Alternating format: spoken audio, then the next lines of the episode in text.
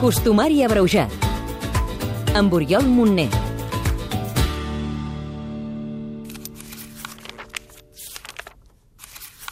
Aquí, dimecres de cendra. Adeu dimecres de cendra, que el dijous ja se t'endú. Per quatre dies de gras, set setmanes de dejú. S'ha acabat la festa.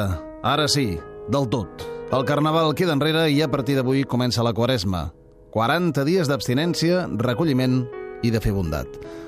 Avui, dimecres de cendra, és el primer dia de la quaresma i ens hem de preparar per entrar-hi de la millor manera, purificant les nostres ànimes pels excessos comesos aquests últims dies. Lluís Garcia, historiador. L'Església primitiva imposava la cendra en els pecadors públics que, que se sotmetien a aquests ritus, no? Després això es va anar estenent una mica a, a tothom. Per purificar, la cendra simbolitza aquest renaixement també, no?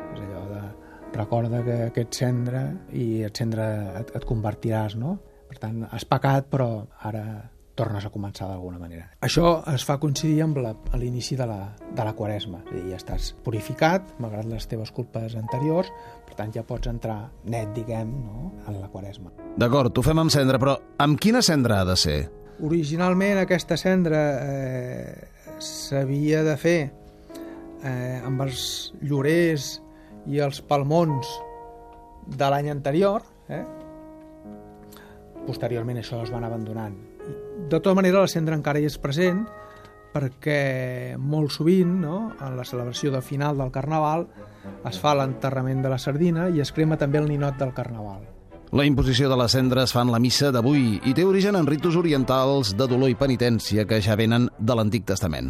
Durant molts anys hi havia el costum de fer cada dimecres de cendra un berenar al camp on s'aprofitava per fer l'enterrament de la sardina, que posa punt final al Carnaval de manera oficial. El dimecres de cendra es fa caure sempre 46 dies abans del diumenge de Pasqua. Per tant, padrins, ja podeu calcular quin dia haureu d'encarregar la mona pels vostres fillols. Costumari abreujat. Amb Oriol Montner.